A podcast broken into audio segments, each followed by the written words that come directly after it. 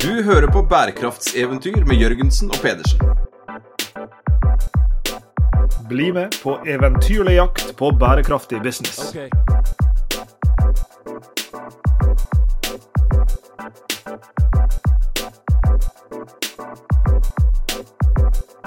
Jeg skulle ha spurt deg om du har sovet godt i natt, Sveinung, men det vet jeg at du har.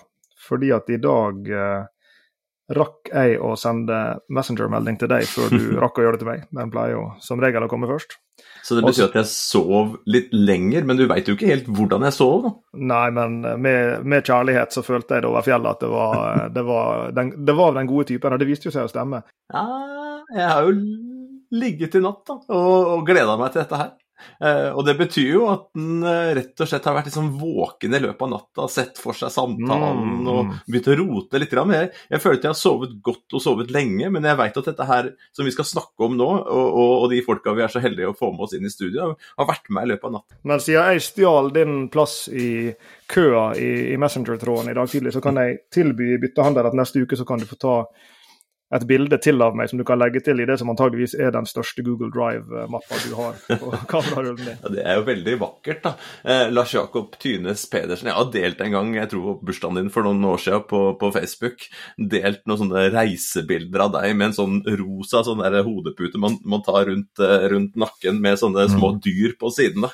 Eh, og jeg tror også egentlig det samme headsetet du har nå, sånn lyseblå barneheadset som du har hatt med deg på tur, og så ligger du og småsikler på et eller annet eh, flysete et eller annet sted, Mm. eller i en eh, sofa i en eh, litt sånn parfymert eh, hotellobby i, i Barcelona. Jeg kan, jeg kan dra mange, og jeg har mange bilder av deg også sånn i baksetet av bilen.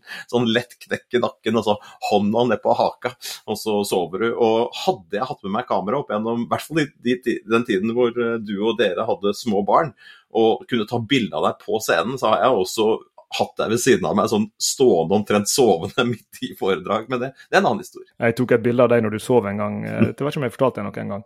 Det var dagen etter bokslippet for eh, den forrige boka vår, det var på FIBE-konferansen på NHH. Da sov du i en sånn herlig sammenkroka stilling. Dette var jo før du jobba fullt på NHH, så du hadde ikke kontor der den gangen, så du sov på mitt kontor når jeg kom på jobb, i min bestemors gamle lenestol, som var sånn liten og trang. Men du så ut som et barn der du lå. Men nå skal vi slutte å mimre. Jeg trodde du skulle komme inn på liksom alle de bildene vi har av hverandre når vi ligger i skje og, der, og sover, men det får uh, Det får bli til Instagram-kontoen vår, som ja, dere finner på instagram.com. Onlyfans. Jorgensen Pedersen. Vi har vel kanskje klart å etablere for lytterne våre at vi skal snakke om søvn i dag, Svein? Det vi har det. Jeg, jeg har jo dessverre et naturtalent i søvn.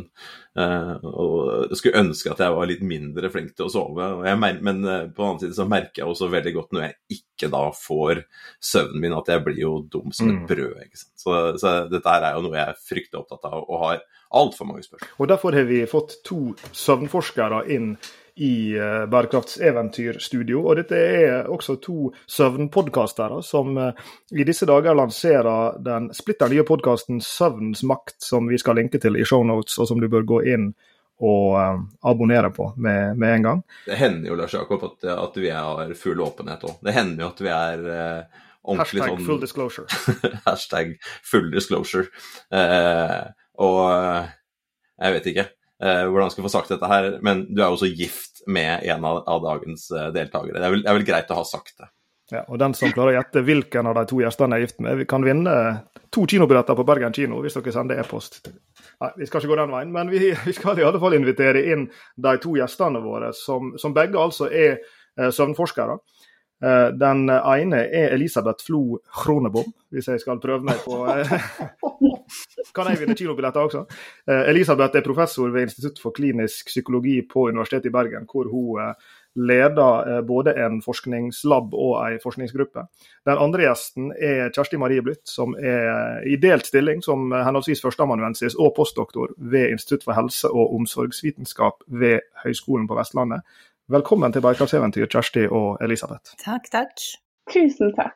Veldig hyggelig å være her sammen med dere. Er det mulig å stille et så banalt spørsmål som hva er søvn? Det er jo ikke et banalt spørsmål. Eh, Jeg tror vi kunne brukt hele podkasten på det, Kjersti. Mm, det tror jeg også. Hva er det for noe underlige greier, egentlig? Det er jo veldig interessant og spennende fenomen, tenker jeg. For det er under søvn så er vi jo egentlig ikke ved vår normale bevissthet, selv om vi kan eh, vekkes med tilstrekkelig stimuli. Og så er det jo, eh, ja, for det er jo litt, altså det er jo der vi må ha lyst til å holde litt på musikken òg, da, Kjersti. Mm. For det er fortsatt eh, mye uvisst om søvn. Men det vi i hvert fall vet, er jo at det er på ingen måte en sånn eh, fraværenhet. Altså, det er ikke sånn at vi bare liksom kobler av, og så er det mm. dødt. Altså, det er så, så, utrolig masse som skjer mens vi sover. Så det er egentlig bare sett en annen, som du sier, Kjersti, en annen tilstand. Og så er det helt grunnleggende og sentralt behov for god helse. Og alle mennesker og alle dyr også trenger det. Og som mennesker så sover vi jo om lag eh, en tredjedel av livet vårt. Altså vi har jo litt ulikt søvnbehov. sant? Vi kan komme litt inn på dette her med søvnregulering og hvordan den blir regulert. Og den blir jo da regulert knyttet til eh, homostatisk faktor, og også da sirkadiansk faktor og atferd og vaner. Da er det sånn at Homostatisk faktor det viser egentlig til behovet vårt for søvn. Og vi skiller oss i forhold til hva vi har behov for. Men gjennomsnittlig søvnbehov det er rundt sånn 7-7,5 timer for å føle seg uthvilt og for å få en god subjektiv opplevelse av det. Og Sikkerhetsfaktor det går jo egentlig på døgnrytmen vår. Og det er jo sånn at vi er jo skapt for å sove om natten og være våken om dagen. Så hele masse kroppslige funksjoner følger jo en døgnrytme. Også når det gjelder vaner og atferdsfaktorer, så gjør vi jo en rekke ting sant, for å stille oss inn på søvn på, til natten. Og vi har på en måte en døgnrytme, eller en dagsrytme, som vi følger for å få det til å fungere og regulere seg sjøl på best mulig måte. Noen dyr trenger jo mindre søvn. Sjiraffer f.eks. Hva trenger de? Rundt eh, tre timers søvn. Det tar sikkert lengre tid å legge seg ned for deg. Det... Koalabjørner igjen trenger omtrent 20 timers søvn. Oi, ja, det er litt meg det, da, egentlig. Jeg er en koalabjørn. Check it out.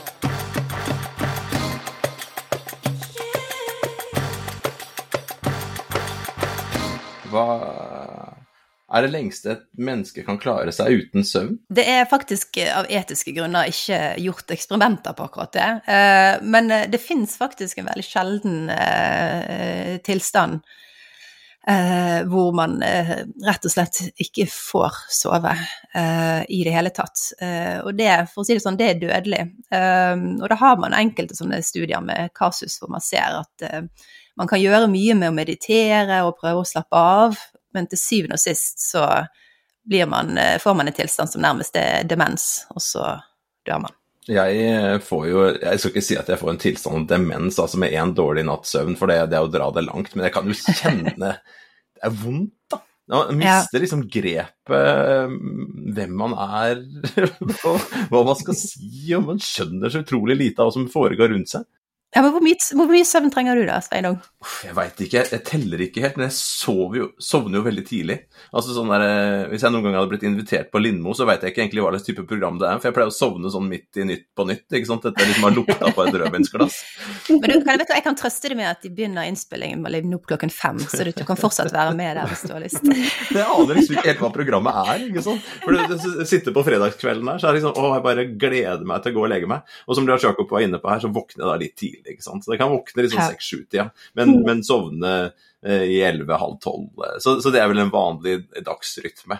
Og så kommer jeg fra en sånn familie da, som svigerfamilien har jo skjønt at vi er helt klingærne. For flesteparten av oss, jeg trenger ikke å oute alle, men det er liksom sånn eh, På ettermiddagen så så stripper man helt ned og går og legger seg, liksom. Og trekker dyna over og, og, og tar seg en nap, liksom. Og den, den, andre delen av slekta skjønner jo ikke dette her i det hele tatt. Er det, er det, genetisk, eller er det kulturelt, eller hva er det som er ødelagt den ene siden av familien? Jeg tenker å si hvilken familie som er ødelagt. Jeg vil jo ikke si ødelagt, da. Altså, jeg må jo si de fleste som er sånn morgenmennesker, har jo mye gående for seg, for det er jo det samfunnet har lagt opp til, egentlig. Uh, men, men, det er mye genetikk. Jeg husker ikke hvilken forfatter det var på en studie, men det, det ca. halvparten av eh, det som forklares i forhold til sånn kronotype, altså hva du foretrekker, det er gener. Så da er det, det er mye som står på det, rett og slett. Og så blir vi jo stadig mer A-mennesker etter hvert som vi blir eldre også, da. Eh, og det er jo kanskje en faktor for deg også. ja, men, men, men, det der er jo litt sånn viktig poeng, fordi Sveinung, vi, vi begynte med denne kamerarullen til Sveinung, og jeg tror de fleste av de bildene begynner å bli av litt eldre dato. Sveinung. Det er sjeldnere og sjeldnere du får tatt et bilde av meg sånn i farten mens, uh, mens jeg sover. Så det, dette er jo nok, Jeg kan sove på fly ikke sant, under bestemte forhold. Jeg tar sju flyet til Oslo veldig ofte. Ok, Da sovner jeg stort sett. Um, sånn Ellers så, så, er jo det ikke så lett for meg å sovne lenger. Så, så liksom, hva, hva, er den der greia der som skjer? For som du var inne på, så, så uh, endrer jo søvnen seg gjennom, gjennom livsløpet. Fra, vi er helt små til vi er, til vi er gamle. Men hva, hva, er, hva, er, greia her med Ja, kanskje kan et enda mer grunnleggende spørsmål være hva, hva er dette døgnrytmegreiene for noe da, som, som gjør at, uh, at, at, dette her skjer? Som regulerer det hele. Sant? Ja, for du sa to ord her i stad, noe med sirkel og noe med homo. Det var et eller annet sånt sirkediansk, var det det? Eh, det stemmer, og det knytter seg til hvordan søvnen blir regulert. Sant? For som mennesker så er vi jo på en måte altså vi er på en måte laget for å sove om natten og være våken på dagtid. Og når vi er våken, så på en måte øker søvntrykket vårt eller søvnbehovet. Men flere av kroppens funksjoner følger jo en døgnrytme. Sant? og Dvs. Si en rytme som varierer i løpet av døgnet. Og Da er det ulike funksjoner. Det kan være kroppstemperatur, magesyre, urinsyreproduksjon og kortisol, melatonin med mer.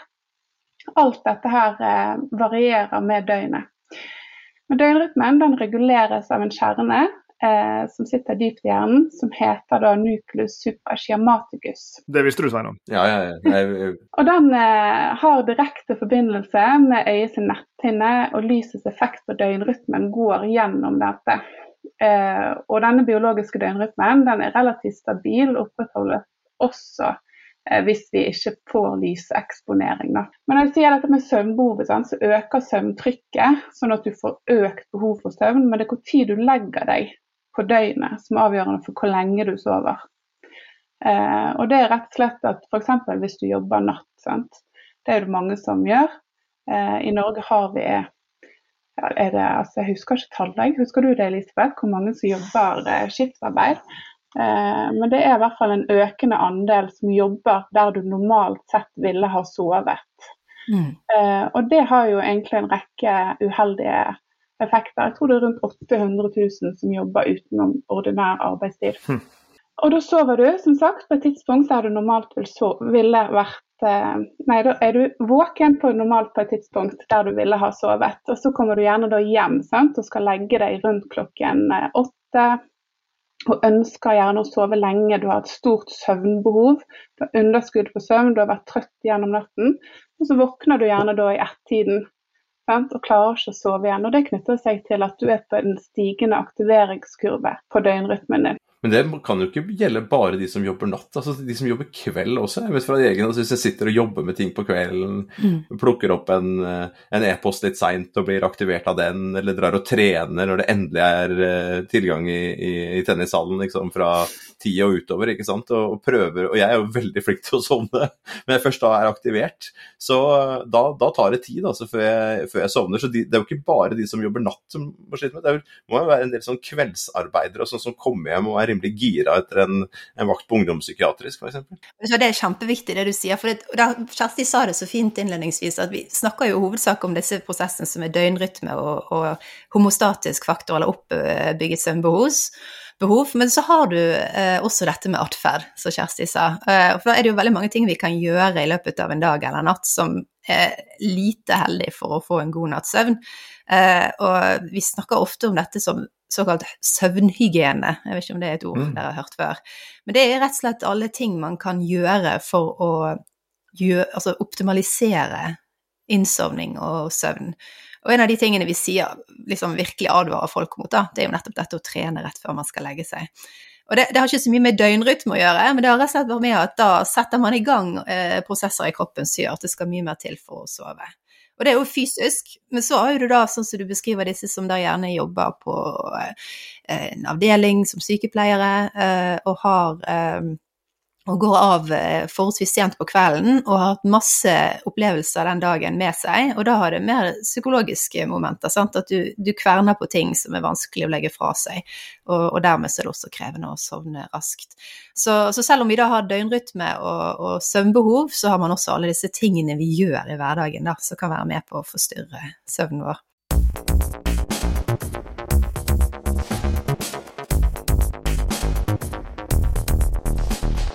Da jeg var student, så opplevde jeg ofte at uh, de foreleserne som kunne veldig mye om kommunikasjon, de var ofte veldig dårlige til å kommunisere, så jeg var livredd for å lære meg noe om kommunikasjon. Jeg tenkte sånn, Det har ødela man hele kommunikasjonsevnen her. Søvn uh, tenker ikke bare på dere to som kan ekstremt mye om det, men er det egentlig en ting vi bør tenke på?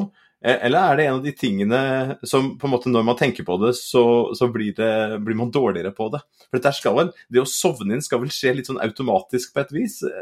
Ja, altså det der er jo en klassiker eh, som et problem. Og det, det, man ser er ofte hos de som har insomni. Eh, det er jo da den vanligste søvnsykdommen som finnes. Da har man problemer med å sovne eller holde seg sovende. Eh, en av de største problemene er jo at de prøver så sinnssykt hardt å sove de kjøper den beste sengen og den fineste puten, og, og, og, da har du på en måte kommet uh, til et punkt hvor det ikke er noe som faller naturlig for en lenger. Sant? Da er det bare kleint og vanskelig. Og det er jo mange naturlige prosesser som egentlig man bare må la skje, mer enn at man skal, skal prøve så hardt. Så, så, det blir lett et problem, ja, hvis man prøver, prøver for hardt å sove. Og Dere var inne på dette begrepet søvnhygiene, og, og våre lyttere er jo typisk ikke eksperter på dette her i det hele tatt, men jeg kan tenke meg at veldig mange av dem eh, kan ha ulike typer utfordringer med søvn. Så, så, nevnte du nå insomni, som da vel klassifiseres som en form for, for altså, Du brukte vel ordet tilstand. Mm. Eh, og, og hvor, liksom, her er vel en grense her mellom det å ha en tilstand, altså å lide av en eller annen søvnrelatert sykdom, kontra det å bare liksom ha ulike typer utfordringer. Og så er det kanskje en flytende overgang, hva, hva vet jeg. Men, men dette, denne termen søvnhygiene som dere har brukt, det er vel litt sånn eh, som vi alle sammen kan ha godt av, eh, av å tenke på. Nå, nå, vet jeg at det verste forskere vet, oss sjøl inkludert, er jo sånn gi, gi, oss de tre beste tipsene for å og det, det, er ikke det jeg spør om, men det jeg spør om er mer sånn grunnleggende søvnhygiene. Hvilke, hvilke, ting er det folk bør tenke på hvis, hvis, de er i en situasjon hvor de bare helt enkelt uh, sliter med av og til søvn på, på, ulike måter? Hva kan være noen sånne uh, viktige ting å ta med i det søvnhygieniske bildet? Jeg tenker jo først og fremst Lars Jakob, at det er jo viktig å løfte fram at det også er en rekke søvnsykdommer sant, som har et ulikt symptombilde og fordrer ulik behandling. Man skiller mellom seks ulike kategorier eh, med søvnsykdommer, som alle sammen fortoner seg på bestemte måter, og som da også må ha behandling deretter. Men når det knytter seg til søvnhygiene, så er jo det også dette her med måten vi tenker rundt søvn. for Du er jo litt inne på det, Sveinung, med at eh, kanskje vi kan tenke for mye på det i noen sammenhenger. Men kanskje vi også prioriterer det vekk i en del sammenhenger. Sant? At man kan etablere kulturer for at der det å ikke sove på en måte ikke er så viktig. Eh, og at vi på en måte kanskje da prioriterer heller å gjøre ting sosialt sett, eller se serier, eller eh, på en måte strekke strikken vår lengre da, og heller prioritere vekk søvn. Fordi at vi på en måte tenker at vi kanskje allikevel skal fungere eller klare oss på en eller annen måte. Og det er jo egentlig det er jo ikke hensiktsmessig over tid og får konsekvenser. sånn som du Sveinung, var jo inne på hvordan du føler deg når du har hatt en, eller to netter med redusert søvn. Sånn du føler deg jo ikke eh, som deg sjøl, sier du. Sant? Så i forhold til søvnhygiene så er det en rekke faktorer. Det der med å stå opp på samme tidspunkt eh, hver dag helst, også da i helgene. Sant? Og forsøke å tilstrebe å ikke drikke koffeinholdig innhold etter klokken fem. Trening, som Elisabeth løfter fram. At du ikke på en måte blir aktivert like før eh, leggetid. Eh, det er egentlig en rekke forhold du kan, eh, kan ta, ta, hensyn til der. Det er egentlig det der med at man kan se altså jo, Man kan dele inn i forskjellige kategorier, men det er egentlig tre eh, ofte hovedkategorier man da må prøve å ivareta. Sant? Og Det ene er å gjøre det man kan for å ivareta døgnrytmen sin. Sant? At man unngår sånn social jetlag, f.eks. Uh, og der er en, del av disse tingene som Kjersti nevnte, er jo da eh, inngår det. Nettopp dette med å stå opp tidlig og på samme tid. Uh, og så har du en del ting du da kan gjøre for å ivareta søvnbehovet ditt. Sant? At du bygger opp sånn at Og det, det tenker jeg blir nesten liksom uh, at du spiser ikke chips før middag-type uh, ting. Sant? At du, du faktisk lar det gå hele dagen og bygger opp den appetitten for søvn. Og, og, da er det også en god del ting du kan gjøre for å ivareta det.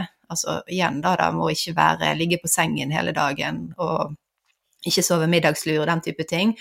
Og så er den tredje, den tredje kategorien, det går mer på dette med å, å få, få, en god eh, avslutning på dagen og unngå å være aktivert. Og der er det jo fantastisk masse fine ting man kan gjøre. Om det er å ta seg et bad, eller om det er å lese en bok, eller ja. Så man kan liksom se for seg, i hvert fall de, hvis man ivaretar de tre elementene, da, altså døgnrytme, søvnbehov og, og ikke-aktivering, så har man gjort mye bra, da.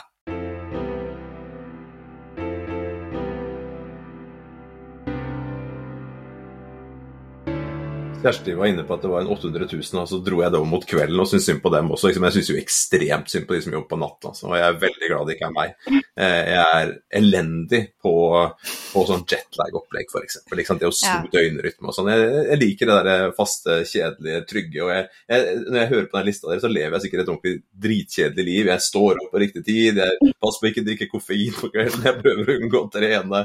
Ja, altså, sånn, det høres jo ganske sånn uh, kjedelig ut, så jeg, passer nok inn i den kategorien der eh, eh, ganske godt. Men det heter seg altså på seg selv så kjenner man ingen andre. Og det har jeg skjønt når det gjelder søvn over tid. ikke sant? Og, og meg og noe av slekta, vi, vi, stort sett kan lukke øyet når vi trenger det, og så, og så får vi hvilt slitenhet av oss. Men jeg har jo folk rundt meg som ikke har den egenskapen. Altså de er slitne og ikke få sove. Og, jeg, og I mitt liv så skjønner jeg ikke den koblinga, for når jeg er sliten, så er det bare å sette seg et eller annet sted, ta fem minutter, ti minutter, 15 minutter, og så kommer jeg meg ut av det. Hvis ikke jeg løpt en maraton, da. ikke sant? For da, da er... Stemmer ryktet om at du sov 15 minutter i et busstopp på Voss i går. Ja, ja, ja. Og den største utfordringa fra Bergen og opp til Voss-ish, det er jo da ikke sovne i bilen. ikke sant? For det er jo det er på dagen jeg kjenner liksom at blir, det blir monotont, og så kjenner jeg liksom at nå sliter jeg med å holde meg våken og konsentrert. Men da er det bare å svinge til sida, eh, lene seg bakover, sette på klokka et kvarter, og så kjører jeg videre seks timer uten å, uten å blunke etterpå, liksom. Men jeg veit jo at det er så mange som ikke har det sånn. det, Har dere noe tall på det? Er det sånn av, en, av populasjonen, hvor mange er det som ikke har den egenskapen. Jeg vet jo at jeg er fryktelig heldig, selv om det er slitsomt noen ganger å bli trøtt. Så vet jeg også at jeg er veldig heldig som blir det, og som kan ta det ut med søvn. Så hvor mange er det som har dette her av disse stakkars nattarbeiderne og, og, og andre da, som ikke har dette her sånn ja, naturlig, eller hva man skal kalle det for noe? At dette blir nok en sånn eh, gradient, kan jeg se for meg, da. Eh, men jeg får bare si det sånn, i forhold til nattarbeidere, så tror jeg nok det er, det er gjort en del studier på, på, hvem som holder ut som nattarbeidere. sant? Og da er jo det nettopp dette med å klare å sovne, og faktisk sove godt litt sånn uansett eh, hvor tid på døgnet, det er jo en ganske god egenskap. Jeg har ikke den egenskapen. Jeg, eh, eh, men så er det jo òg en fordel med å være der, så altså jeg er, hvis jeg er våken, så er jeg på. Jeg er på helt til jeg liksom legger meg ned, og, og, så jeg, og, så er jeg, av. Men jeg kan ikke liksom legge meg ned midt på dagen og forsøke å sove. Det er klin umulig. Eh, men da ville vi nok, Sveinung, hvis vi hadde vært med på et eksperiment, så hadde vi sett litt forskjellig ut, da. For du hadde jo da klart å sove litt. Men du hadde sikkert gjort det ganske dårlig på en del sånne tester hvis du hadde vært uh, søvndeprivert, da mm, kanskje. Mm. Mm. Jeg vet ikke hvordan det er. Altså, er det litt sånn eh, Kobler du ut, da, eller er det Altså, det er, det, er, det er, ikke Jeg har IQ på 20-25 på en god dag, liksom. Ja, det er ikke store oppgaver som skal til, altså. Ja, det er herlig, altså. Ja, men for da er det forskjeller, sant. Du har de som da er aktivert, som er sensitive og kanskje litt sårbare for å utvikle f.eks. da type insomni, sant. At de er, de er liksom på av natur, og så har du de da som klarer å sove, og gjerne sove lenge, uh, men som er mer sensitive for altså da søvnmangel. Sant? At man, uh, man presterer dårlig når man ikke har sovet nok, da. Så, og da, denne individuelle variasjonen er jo enorm. Man har jo en del kjente personligheter som skrøt liksom av at de trengte bare fire timers søvn. Churchill var en av de.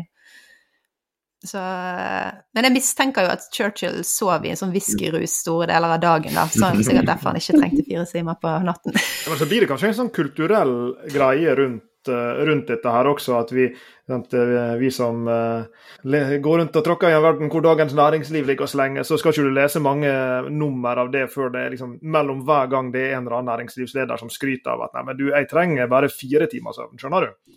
Mm. Og så har jeg jo dessverre en del ansatte som, som trenger mer. Ja.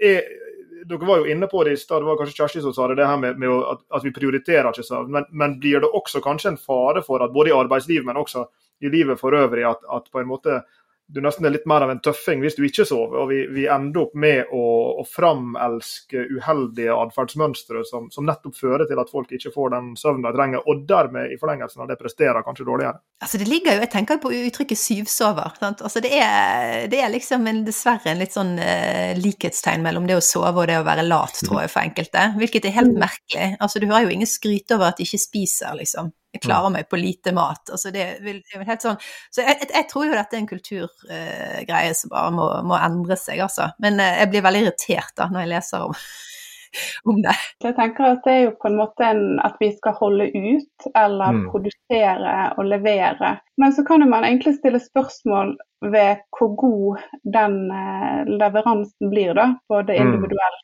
og på samfunnsnivå. Fordi at, sånn som vi har snakket oss gjennom nå, så ser vi jo at når vi ikke har sovet, så blir vi jo på en måte både Vi får redusert konsentrasjonsevne, oppmerksomhet, eh, velvære, men vi blir også mindre kreative. Og mindre kritisk. mindre kritisk. Vi tar gjerne dårligere beslutninger. Vi er heller ikke innovative, sant? så vi klarer ikke å tenke nytt eller problemløsnings på en måte orientert. Mm. Eh, og det er jo en god del studier som på, viser dette at eh, arbeidstakere som sover lite, eh, gjerne da søker enklere løsninger. Og bidrar da ikke positivt inn i arbeidsmiljøet. Og I tillegg så er det også studier på ledere, når de har sovet dårlig, hvordan det igjen også påvirker arbeidsstaben. Eh, rett og slett også negativt, til tross for at arbeidsstaben også har sovet godt. Mm så kan det at lederen din har sovet dårlig, eh, redusere effektiviteten og produksjonen i arbeidsstokken din.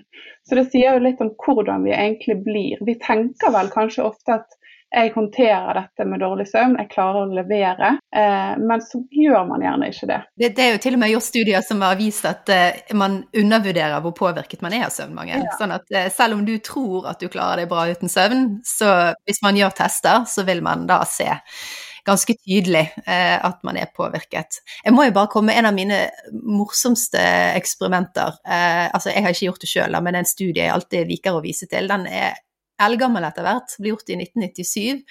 Men da tok de altså inn folk på lab, og så var det studenter, da. Og fikk, da ble de randomisert til enten å skulle drikke alkohol eller å holde seg våken. Og jeg er ganske sikker på hvordan de da rekrutterte til studiet. Det var ikke holde seg våken-delen de hadde i Bold sikkert når de rekrutterte. Uh, og, da, og da, da, egentlig da gjorde de sånne tester, så denne kjenner du godt til, Kjersti, sånn psychomotor vigilance task, mm. som egentlig handler om å bare respondere raskt til et stimuli. Den er ikke komplisert, men du må være på, du må være våken for å få med deg hva som skjer, da. Og så gjorde de dette opp uh, til da folk hadde vært våken i 28 timer, eller opp til de fikk én i promille. Uh, og da så vi at selv bare etter 16 timer våken, og dette var jo på dagtid, så det var jo ikke sånn at folk eh, døgnet den, uh, men etter 16-17 timer så hadde de en prestasjon som tilsvarte uh, 0,2 i promille, som da er grensen for å kjøre bil. Og der var jo ikke vi engang kommet inn i natten, sant. Og, og, litt mer enn det så var vi oppe i, i 0,5 for eksempel. Så det er det er jo rett og slett det at hvis du virkelig eh, sover dårlig, så tilsvarer det rett og slett å være full. Altså det, i forhold til å levere. Jeg syns det er jo tanke på eh, sykepleiere og leger og alt sånt, så, så, sier jo det hvor viktig det er da å faktisk få prioritert søvn. da. Og så er det jo sånn som disse ulike søvnhygienerådene som vi var innom i sted. Det som er litt krevende med søvn, eh, er jo at eh, vi kan vite veldig mye om hvordan vi skal håndtere det, eller hva vi kan gjøre for å best tilrettelegge på det. Men livet er jo ofte mye mer uoversiktlig til en viss grad. Mm. Eh, og gjør at eh, det kanskje er mennesker som er mer privilegerte, som rett og slett kan ta høyde for en rekke av disse faktorene. Har du f.eks. to-tre jobber eller um, ulike utfordringer eh, sosialt eller med økonomiske utfordringer, sant? så påvirker det dette forholdet igjen. Hvilket gjør at det blir enda mer komplekst. Mm. tenker jeg. Så Det syns jeg er litt sånn viktig å ha litt i mente. da, At det er ikke bare sånn quick fix det er veldig mange faktorer som er avhengige av det. Og det er ikke sånn at vi på en måte tenker naturligvis at det er et personlig ansvar at noen skal ta høyde for denne her søvnhygienen eller gjøre disse enkle tingene, så vil det løse seg. For det er så utrolig komplisert for hvert enkelt individ, og det er ikke alltid en, en enkel løsning på det.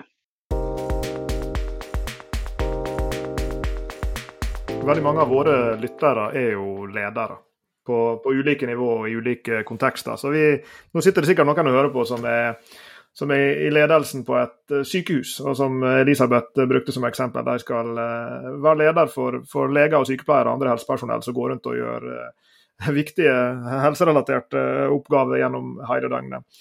Her er, her er folk som hører på som driver et hotell som har folk som står i resepsjonen og tar imot en gjest. Og Den gjesten han jobber for et internasjonalt foretak hvor han eh, av og til må fly mellom kontinenter. Og Han er akkurat kommet inn til Oslo fra Thailand, og så skal han ha et, eh, et møte. I kroppen hans er det morgen, men, men i Oslo er det, er det, kveld. Eh, og han skal også ut og spise middag. Og disse folka skal prestere. Ja.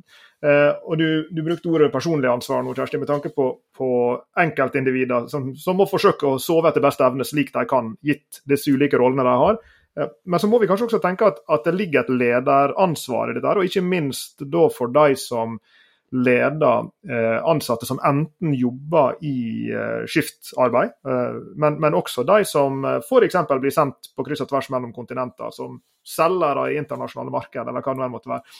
Hvordan kan vi tenke rundt dette her fra et sånn ledelsesperspektiv? Hvordan, eh, sagt, hvordan burde de tenke rundt, og hva kan de gjøre for, for, å, for å, hjelpe til med, med dine utfordringer og få ansatte til å sove bedre, når vi vet at det også gjør at de vil prestere bedre og enda viktigere, ha det bedre? Det er veldig mye vi, vi kan gjøre. Jeg syns det er litt interessant for en annen gruppe som på en måte blir kanskje, om ikke relevant å sammenligne seg med, men i hvert fall interessant å se til, så er jo det toppidrettsutøvere. For de også blir jo sendt rundt hele jorden, mm. eh, og så skal de prestere på sitt beste eh, i en helt annen tidssone. Eh, og der, der, vet vi jo at eh, eh, også her i Norge at det gjøres ganske mye for å se på hvordan kan man optimalisere prestasjon eh, når man da krysser tidssoner. og da er det jo enkle grep man faktisk kan gjøre.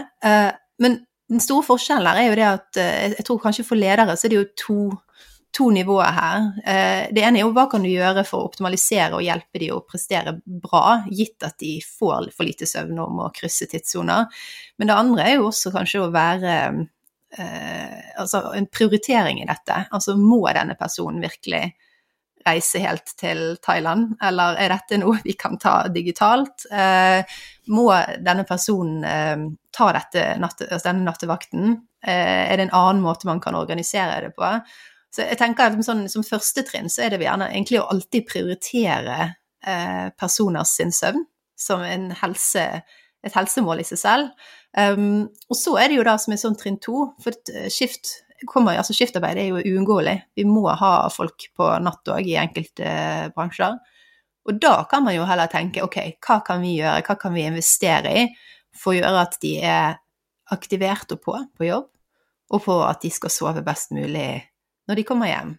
Og der, Kjersti, har jo du også vært med på en del studier i forhold til skiftarbeidere. Det har jeg. Altså det, vi har jo forsøkt å eh, egentlig eh, påvirke søvnigheten til sykepleiere eh, når de går eh, på nattevakt, ved å gi dem lys. da.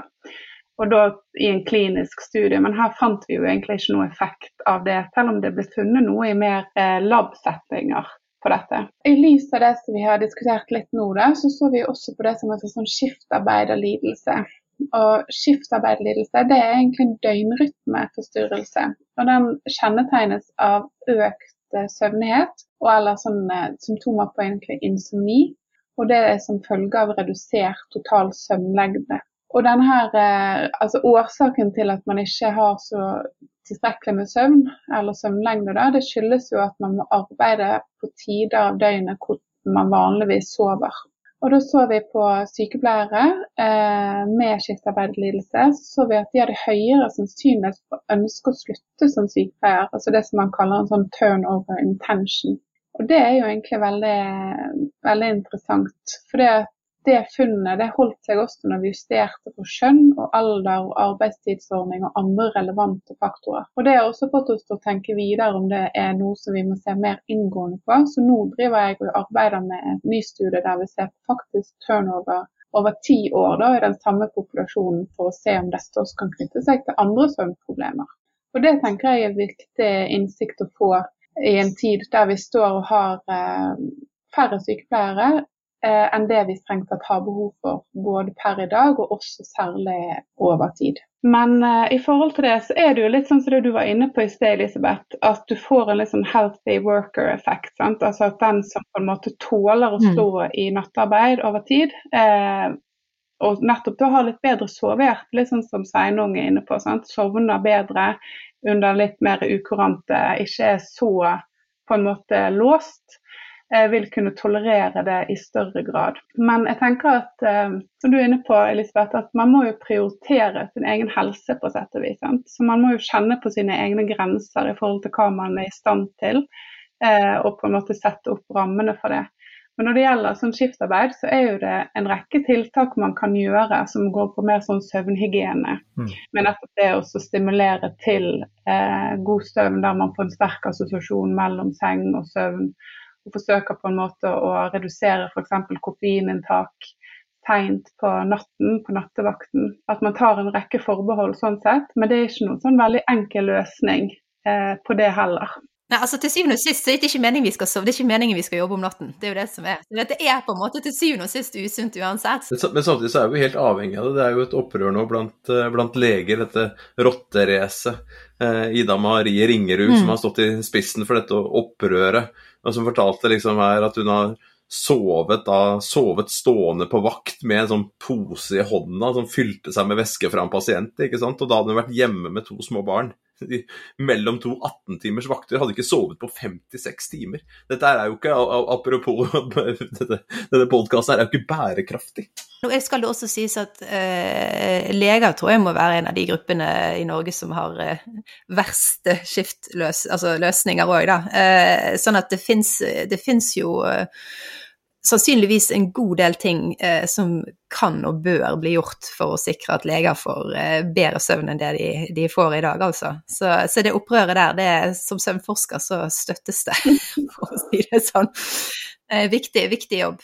Eh, og så har jo de andre ting og grupper er jeg også litt bekymret for, sånn som f.eks. taxisjåfører, som i større grad eh, er liksom styrt, altså Hvis ikke du kommer deg opp, eller hvis ikke du jobber hele natten, så får ikke du den inntjeningen du burde hatt i forhold til Og så er det mye mer da egenstyring. sant? Sykehusene har nå tross alt i forhold til sykepleiere i hvert fall da en viss sånn regler i forhold til hvor mange skift, natteskift bra det er optimalt og den type ting.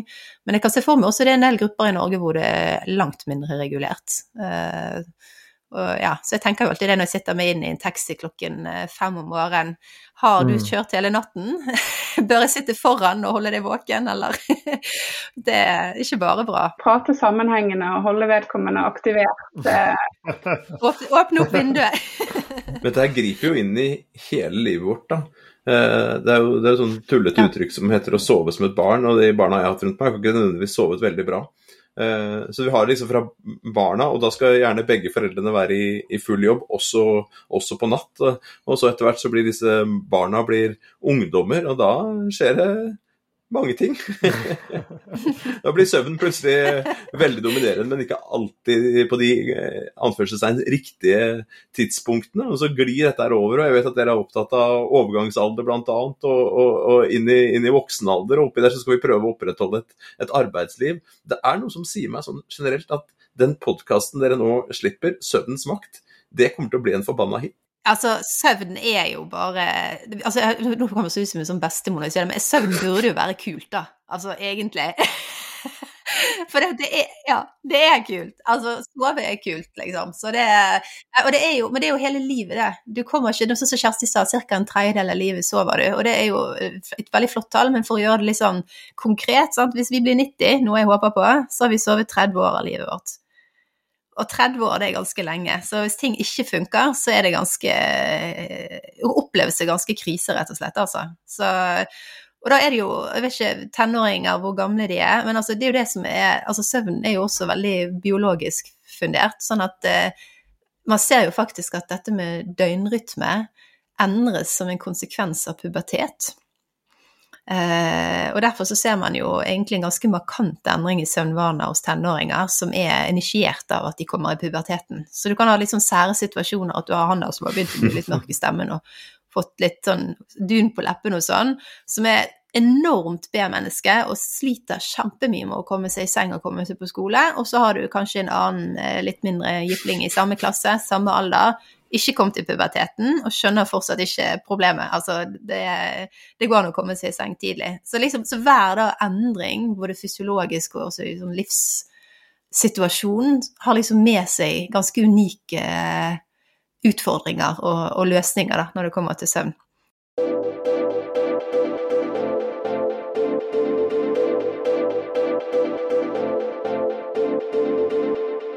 Får dere nok telefoner fra ledere i arbeidslivet? Altså, Jeg og Lars Jakob vi har jo en sånn Batman-telefon på kontoret. ikke sant? Når det brenner et eller annet sted på Bærekraftsfronten, så, så ringer det. Eh, og, og, hos dere, er dette her høyt nok oppe på agendaen? Vi har snakket om sykehus, og, og Lars Jakob var inne på hotell, og, og, de som har reist langt, den type jobb. Men er det, er det nok interesse for dette? Er det nok kunnskap om det, sånn som dere ser i, i arbeidslivet? Som helt uh, overfladisk inntrykk uh, er jo at det ikke er det eh, per nå. Jeg tror ikke man helt er kjent med det nødvendigvis, hva det faktisk betyr. For en, for, en, bedrift, hvordan man kan tilrettelegge for det. Så jeg tror jo på en måte det å fremme, for Vi snakket jo litt i sted om hvordan man kan arbeide for å sette dette mer på agendaen. Jeg tror rett og slett at man må gjerne da ha ulike seminarer der man snakker om søvn og søvnfysiologi og hvordan det fungerer og hva du kan tilrettelegge for. Sant? Og sette det opp som en del av det som eh, de ulike ansatte blir introdusert for.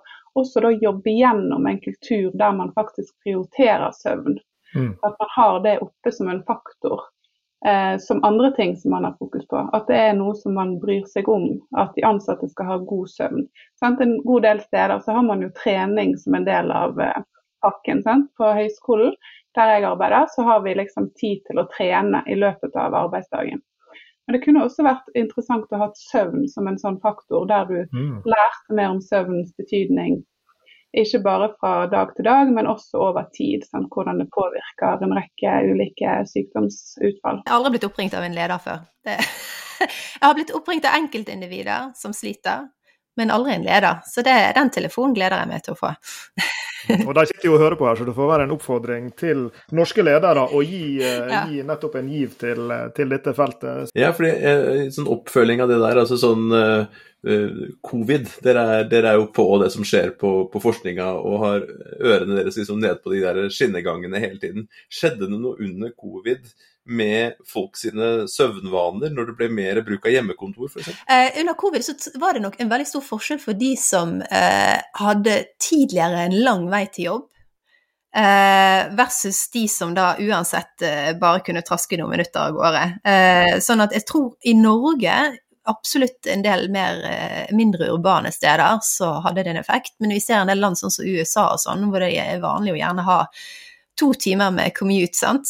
Så hadde jo det en enorm effekt. Da fikk man plutselig mye mer tid, ikke bare til å sove, men mm. til å, å leve.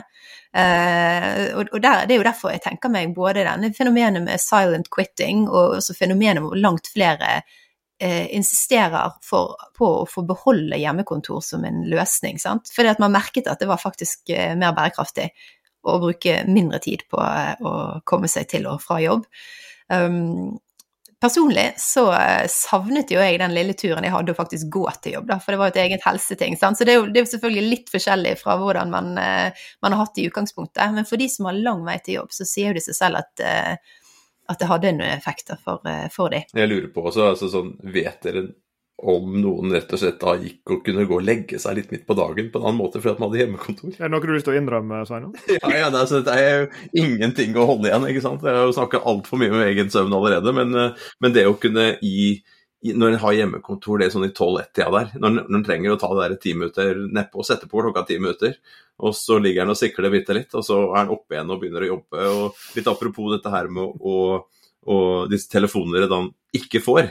Eh, hvordan legger eh, bedrifter opp, og hvordan er bedrifter kan legge til rette da, for sånne folk som meg, f.eks., som hadde trengt en liten sånn der, knekk med et sånn type stillerom eller et sted hvor det gikk an å, å sove. Jeg så Sigrid i går på, på, på Instagram eh, lå i senga si og spilte Sims, og så sto det på eh, reelen og så sto det liksom 20 sekunder til jeg skal være på scenen. Eh, og så ligger hun i senga og spiller Sims, river av seg dyna, har, har full klær på og går ut av et eh, soverom, hotellrom, en bitte liten gang og rett ut på scenen. Jeg tenkte bare åh, fantastisk! altså, sånn der, å kunne ha det på, på, på, på noe, radaren sin. At ja, jeg vil ha soverom eh, rett ved siden av scenen. Eller soverom rett ved siden av kontorpulten min. Eller soverom rett ved siden av taxi, taxiholdeplassen, f.eks. Eh, Hvordan er det bedrifter kan legge til rette rette for at uh, man kunne fått de der gode ja, Sigrid-øyeblikkene rett før man skulle på scenen? Altså igjen, da, jeg er jo da for meg Jeg klarer jo ikke å se for meg å sove midt på dagen, men jeg skal prøve å, å bruke empatien jeg har i meg, da. for, for, andre personer Jo, vet du hva, det da, jeg tror jeg kunne vært en veldig fin Men det er jo litt sånn kulturting òg, da. For hva ville liksom Altså, jeg tror nesten bare å få et sånt rom ville vært en litt sånn skift i kultur i en del steder. Eh, bare som signalmessig, da. At man faktisk prioriterer søvn. Eh, og at det er OK å sove. Eh, du er ikke lat for det om du Altså, det er jo egentlig Jeg vil jo si det er en veldig fornuftig bruk av tiden, jeg. Å ha 20 minutter downtown, og så, down, downtime, og så fungere fungere bedre etterpå. For det er jo gjort en del studier på at det er faktisk vel så bra å drikke kaffe og ta seg en liten høneblund. Ja, en liten powernap. Altså det som er i den sammenhengen, er jo at du da ikke sover over 20 minutter. Sant? For da kommer du mer inn i den dype søvnen, og da kan du påvirke igjen innsovningen din til eh, kvelden. Og det er jo egentlig litt sånn som Elisabeth er inne på, at fortrinnsvis så skal vi jo sove om natten. Det er jo på en måte best å sove sammenhengende om natten, selv om du sover på litt sånn ulike tidspunkt gjennom dagen. Sveinung. Men eh, når det er sagt, så kan det være gunstig å ha en sånn powernap. Og også for nattarbeidere. Kan også sove på natten. Mm. Eh, så lenge du holder det ganske kort. Så det nok, har en fordel i en del sammenhenger. For det er jo akkurat som du sier, at du får jo en, eh, en oppfriskning, og du starter på en måte litt med blanke ark eh, igjen, hvis du har behov for det og har, kan ha glede av det. Men jeg er litt sånn nysgjerrig da, Sveinung. For jeg lurer på, tar du og eh, sover Hvor lenge sover du da, hvis du sover på dagtid? Nei, men jo, jeg, Det er jo ikke første gang jeg har fått lov til å prate med, med, med Kjersti Marie Blytt dette her, så jeg har jo lært litt ting eh, opp igjennom. Og en av de tingene jeg har lært da, over tid, er dette her søvntrykket. At man skal være litt forsiktig med å, å slippe opp på det trykket, eh, og ikke gjøre det for seint. Så jeg har liksom lagd meg en sånn regel 15 minutter før klokka 15. Det er liksom, eh, så, så, men jeg setter, setter, klokka da på, på maks 15 minutter, prøver på 10. Ja, supert. Men nå er jeg velsigna med å, å, sovne veldig raskt når jeg først er trøtt. da. Men jeg, men jeg, har lært av dere fra før, altså, så jeg prøver jo å ta til meg noe kunnskap her. Eh, så, det, men, så, det, er jo regelen, men det, herlighet er et ettermiddagsfly på vei hjem fra et eller annet sted, og du har stått og, og prøvd å gi jernet en dag eller to, og sovet litt dårlig for du har vært oppe med deltakerne på kvelden, og, og så blir det et, et, par glass vin ikke sant, i, i samme slengen, eh, og litt rot. Da gir jeg beng om klokka er, er 19 på kvelden. altså da, da, da legger jeg meg nedpå, og jeg sover godt på natta. Etter Kanskje blir de som tar bilde av deg Sveinung, i Berlin neste uke når vi skal ned og undervise? Nei, det, det, du tøffa deg i stad, du tøffa deg i stad. Og du sitter her og tøffer deg sånn Nei, det blir færre bilder av meg når du sover. Vet du hvorfor det, Lars Jakob? For du nå sørger for alt å sitte bak meg på flyet. Før av den grunn. Så satt jeg ofte Nei, altså, du har, du har flytta deg. Så har, du, du, har, du har sånn strategisk, og jeg ser deg ennå, som du sitter der og, og, og, og, sikler i en sånn knekk inn mot veggen. Og ikke bare det, før så sa du og jeg kunne egentlig bare sovne, jeg satt på vindusrekka, men nå sovner du jaggu i midten også. Så du er eh, Og ikke bare det, ikke sant, men som jeg snakka om i stad, den, der, der tida når dere drev og oppdro disse herlige jentungene, og de var mindre. Eh, jeg lurer på hvor stor stilling egentlig du hadde på jobben. Heldigvis er du driteffektiv, så du får gjort jækla mye på kort tid. med den stillingsprosenten du hadde for 15 år siden ja. ja men her må jeg få en replikk. Fordi, fordi dette, dette, er et forsøk på en, eh, det som eh, på fint heter en Segway til, til, neste og siste tema i denne samtalen. Fordi jeg hadde jo i denne perioden der, når disse jentene sov, for å si det diplomatisk, litt varierende, så hadde jo jeg en sofa på kontoret mitt, og det er jo den beste investeringa jeg noensinne gjorde. Uh, og Den gangen gikk det an å, å, å, sove. Jeg lurer på om den ble donert videre til en postdok som fikk barn senere, hvis jeg, hvis jeg husker rett. Når, når liksom livet mitt hadde kommet litt mer på, på, kurs. Men på den tida der så gjorde jo vi noe av, det mest, noe av den beste forskninga vi har gjort. Så egentlig burde vi tilbake igjen til å sove på kontoret, tror jeg. Ja. Men der var da Segwayen. fordi vi er jo fire forskere som sitter her i et rom, og, og jeg klarer ikke å dy meg. Um, til å, å, å, dra oss litt inn i, i kall det ja, Dette blir sånn veldig usexy innsalg, men inn i den tekniske delen av søvnforskning. Men, men, med det mener jeg Vi hadde en, en samtale for noen uker siden Sveinung, med eller det begynner å bli mer enn det, med, med vår kollega Helge Torbjørnsen, som, som i bunnen også er psykolog, selv om han jobber på, på NHH, og som, som er forsker på lykke. Og Vi snakka en del med Helge om, om hvordan måle lykke, sant? Det er ulike måter å gjøre det på. Og, og Noe av den samme sånn spennende klangbunnen i ja, hva er lykke og hvordan måles det, den har du jo også i søvn. Og som vi har vært innom uten å sette sånn direkte ord på det, så, så driver jo eh, dere to søv, eh, søvnforskning både sammen og hver for dere på, på ulike temaer som knytter seg fra skiftarbeidere, som vi har vært inne på, til, til eldre med demens, som vi, som vi vel ikke snakker om, vi snakker om eldre. Um, begrepet, eller Dette med lysbehandling kom opp her i sted. Det er jo noe av, av det som dere også har forska på, på ulike typer, i ulike typer settinger. Men, men et noe sånn enda mer fundamentalt spørsmål eh, i tiden hvor så mange går rundt med sånne smartklokker på hånda, og de, de ser på disse tallene hvor lenge sover jeg, og Noen av disse klokkene påstår at de måler kvaliteten på søvnen din, det kan sikkert diskuteres om de gjør det. Kanskje dere tar oss litt grann, eh, inn i hva det er en nær sagt måler, og hvordan en måler søvn. For hvordan kan vi vite egentlig når han da Jørgensen knekker ned i sete 17A på flyet, hvis vi hadde stroppa på en et eller annet måledevice, hvordan kunne vi visst noe om søvn? Og hva er det vi er opptatt av? Hvilke typer parametere? Eh, osv. Fordi, fordi det kan jo da gi oss innsikt i der vi begynte, nemlig ja, hva er det for noe dette greiene her? Hva er, hva er søvn, og hvordan kan vi forstå det? Ja, altså, jeg må bare først et sånt lite slag for å ikke stresse for mye over det du ser på smartklokken din. da. For det, jeg har fått en del spørsmål om det. Eh, den, altså, søvnen skjer jo igjen, i den forstand at eh, hvilke stadier søvn du er i, om du sover dypt eller om du bare er sånn rett under overflaten, det er ikke noe en kan se på håndleddet ditt. Det er noe man må inn i hjernen for å, å, finne ut av. Uh, så Samtidig så bruker vi også i forskning nettopp sånne aktivitetsklokker for å se liksom, er du aktiv eller er du i ro. Og, og, og, men da er det egentlig det nivået vi, vi er på da. Det er egentlig Sover du mest sannsynlig, eller er du mest sannsynlig våken? Så det er ikke noe sånn sover du godt eller sover du tungt eller sånn. Så hvis klokken din sier at ikke du har sovet tungt nok, så betyr det kanskje bare at du er en litt aktiv person når du sover, mer enn at du ikke nødvendigvis har sovet godt. Så ikke stress for mye med det. Det er den ene tingen. Og den andre tingen er jo da at det er ganske komplisert å virkelig måle søvn på det eh, kvalitetsnivået der man ønsker å se på om du sover tungt, eller om du har rem-søvn, som kanskje dere har hørt om før. Det er jo den drømmesøvnen som veldig mange kaller den for.